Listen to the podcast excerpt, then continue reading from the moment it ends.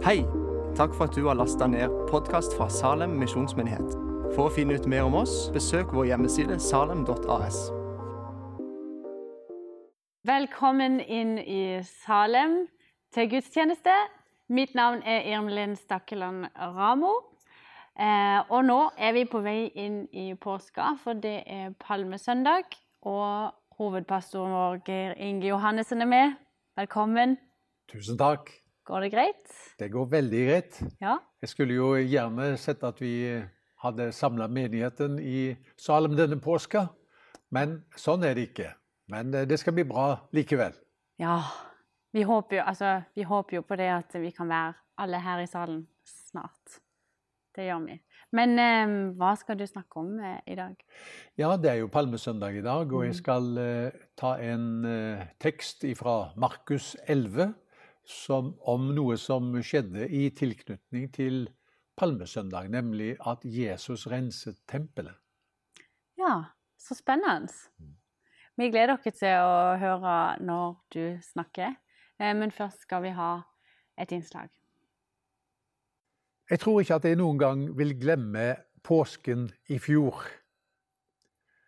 Landet var blitt nedstengt 12. mars, og Salem med det. Og de første to-tre ukene etterpå så eh, var vi i lag med andre misjonskirker her i byen, og som produserte med online gudstjenester. Men i påsken i fjor bestemte vi oss for at eh, nå vil vi lage gudstjenester fra Salem. Det var ganske utfordrende, for dette hadde vi aldri gjort før. Og det var ganske surrealistisk også. Er det virkelig sant? Her skal vi lage gudstjeneste, men det er ingen mennesker til stede. Vi er midt oppi den største nedstengningen i fredstid i landet vårt og skal lage gudstjeneste via Facebook og YouTube. Ja, det var en spesiell opplevelse. Og nå har det altså gått et år, og vi feirer påske igjen. Og fortsatt er det Facebook og YouTube og podkast som gjelder. Jeg har eh, lurt på når eh, åpner det opp? Og eh, de som er eh, ledere innenfor helsevesen, de mener jo å kunne si at eh, når mai kommer, da skal det åpne opp. Så da er det jo bare til å stemme i i mellomtiden. Kom mai, du skjønne milde. Ja, det får vi synge. Men jeg har også da spurt meg sjøl er det noe som Gud har villet lære oss i denne tida? Er det noe i det som har skjedd, som han vil bruke til å fremme sine tanker og planer med oss som Guds folk og med vår verden? Da jeg kom til å tenke på en tekst som eh, er i tilknytning til nettopp palmesøndag, som det er i dag. Og Denne teksten den finner vi i Markus 11.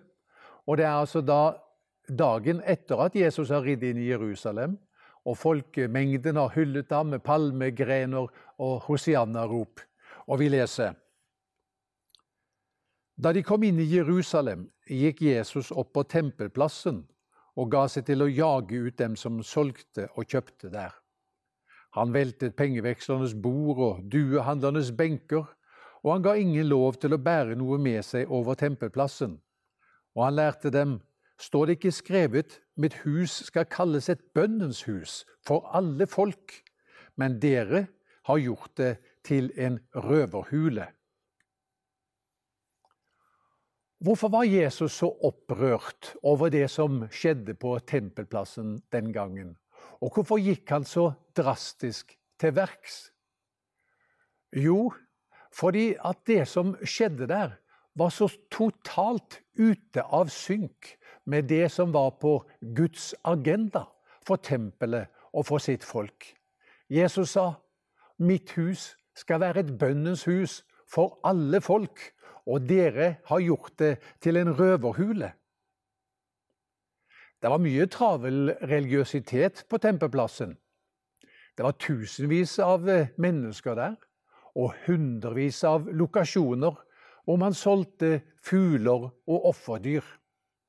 Den jødiske historikeren Josefus han sier at en påske ble det slaktet 250 000 påskelam der.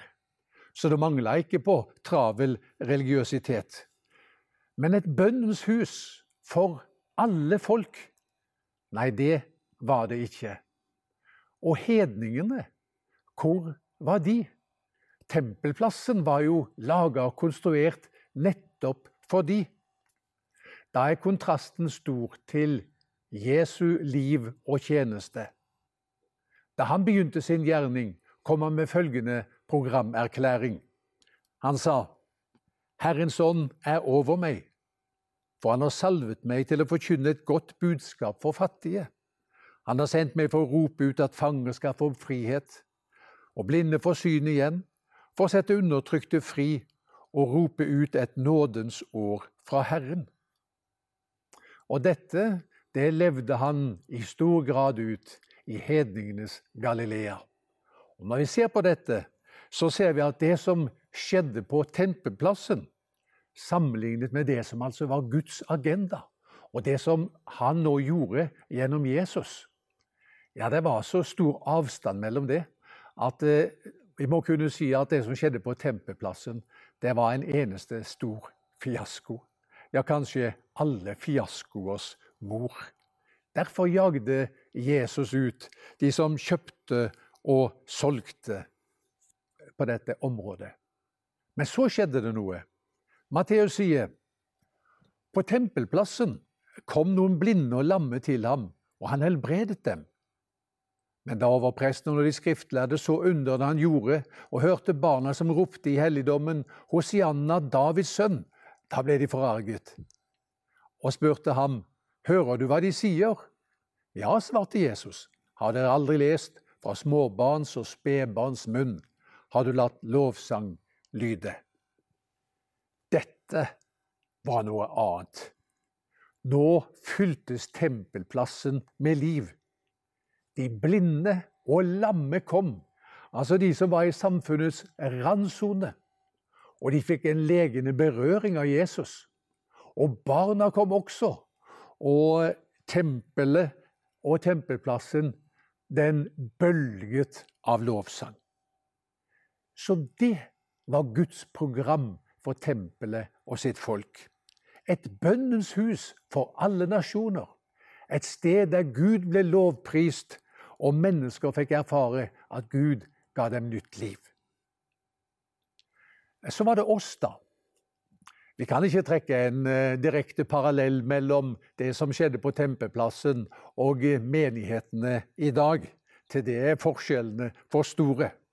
Men hvis vi tenker oss at det som Jesus gjorde på Tempeplassen, det var å rense den for alt det som var sekundært, da blir det meningsfullt også for oss. For også i dag kan det skje at vi blir så opptatt av så mange viktige ting at det som er hovedsaker, kan komme i bakgrunnen. Og den hendelsen da Jesus renset tempelet, viser oss i alle fall to hovedsaker. Den ene er bønn, og den andre det er fokus og oppmerksomhet rettet mot den fremmede. Først dette med bønn. I tida før pandemien så var det jo gjerne sånn at eh, det var gudstjenesten og møtene som var avenyen for åndelig påfyll fremfor noe annet for mange. Men så ble den gata stengt og da måtte veldig mange spørre seg selv hvordan skal jeg nå sørge for eh, åndelig påfyll og sørge for mitt liv med Gud, at det fungerer. Og det førte til en revitalisering, både for enkeltpersoner og for familier og for småfellesskap. Og på den måten så har nedstengningen tjent en god hensikt, faktisk. Fordi den har ført til at det enkelte mennesket har fått et nærmere forhold til Gud fordi det var viktig å ta det på alvor. Og familiene har også fått en annen relasjon med Gud i fellesskap. Det er verd å glede seg over, og det skal vi ta med oss når det også åpner seg igjen. Så var det dette med fremmede, da. Fokus på den fremmede. Fordi Jesus sa at tempelet skulle være et bønnens hus for alle folk, alle nasjoner. Og Det er et sitat fra Jesaja 56. Og Hvis du leser det kapitlet, så ser du at eh, her beskrives hvordan fremmede og mennesker som har vært på avstand, slutter seg til Guds folk. Og også de som beskriver seg som tørre trær, faktisk. De blir inkludert i dette fellesskapet. Og det vil være viktig for oss også nå framover. At vi gir plass til de som er fremmede for dette som har med Gud og med livet med Jesus å gjøre. Og han bryr seg om dem. Det er faktisk en hovedsak for ham. En som het William Temple, han var eh, erkebiskop i Canterbury en gang. Han sa menigheten det er den eneste organisasjonen jeg kjenner til som i all hovedsak er til for sine ikke-medlemmer. Hvis du skulle lytte til dette, eller se på dette, som kjenner deg litt på avstand, som ikke definerer deg som innenfor Guds folk og Guds menighet, så har jeg lyst til å si til deg til slutt at det som Gud har for deg, det er ikke religion. Det han vil gi deg, det er Jesus. Fordi religion, det handler om hva vi skal gjøre for Gud. Mens levende kristendom, det handler om hva Han har gjort for oss. Og denne forskjellen så vi egentlig demonstrert på tempelplassen da Jesus renset tempelet. Det som skjedde forut for dette, det var mye menneskelig aktivitet. Der man så på Gud omtrent som et kar som skulle fylles. Men Jesus renset tempelet, og så sa han nei, Gud er da ikke et kar som skal fylles. Gud er en kilde med levende vann som du kan drikke av. Og det var det at eh, de blinde og de halte og barna og de lamme skjønte. Og så kom de til Jesus, og så fikk de erfare at kristendom, det handler om å glede seg over Guds sjenerøsitet. Det handler om gaver, men gavenes retning er ikke fra oss til Gud, men det er fra ham og til oss. Barna ropte i tempelet Hosianna. Det er et flott ord. Det betyr Herre frels. Men det kan også bety Vær hilset. Fordi han som var lovet, Messias, som skulle komme med frelse, nå var han der. Ventetiden var omme. Så da sa de ikke bare Hosianna i betydningen 'du må komme og frelse oss', men de sa Hosianna. Takk for at du nå er kommet. Velsignet og vær hilset, du frelser som er hos oss. Og du, han er hos deg òg. Og hvis du vender deg til ham nå med en enkel bønn og sier 'Jesus, jeg er så tørst', kan du gi meg av ditt levende vann, av din fred og din glede, av syndenes forlatelse og ditt evige liv. Vet du hva? Det er det han er kommet for. Gud velsigne deg til å gjøre akkurat det. Skal vi be. Herre, takk at du renset tempelet for alt det som var sekundært og uvesentlig, sånn at eh, hedningene og de fremmede kunne finne fram og få møte deg som den sanne og livgivende Gud du er. Vi takker deg, Herre, for at eh, også gjennom denne pandemien så har det kunnet skje at eh, du har renset tempelet, slik at vi også som din menighet kan ha fokus på det som er aller viktigst, nemlig samfunnet med deg og det å invitere andre til det samme. Jeg ber for de som lytter og ser på, og som enda ikke har tatt imot deg.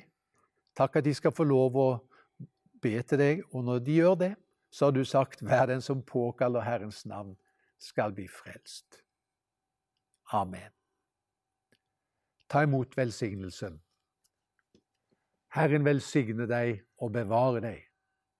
Herren la sitt ansikt lyse over deg og være deg nådig.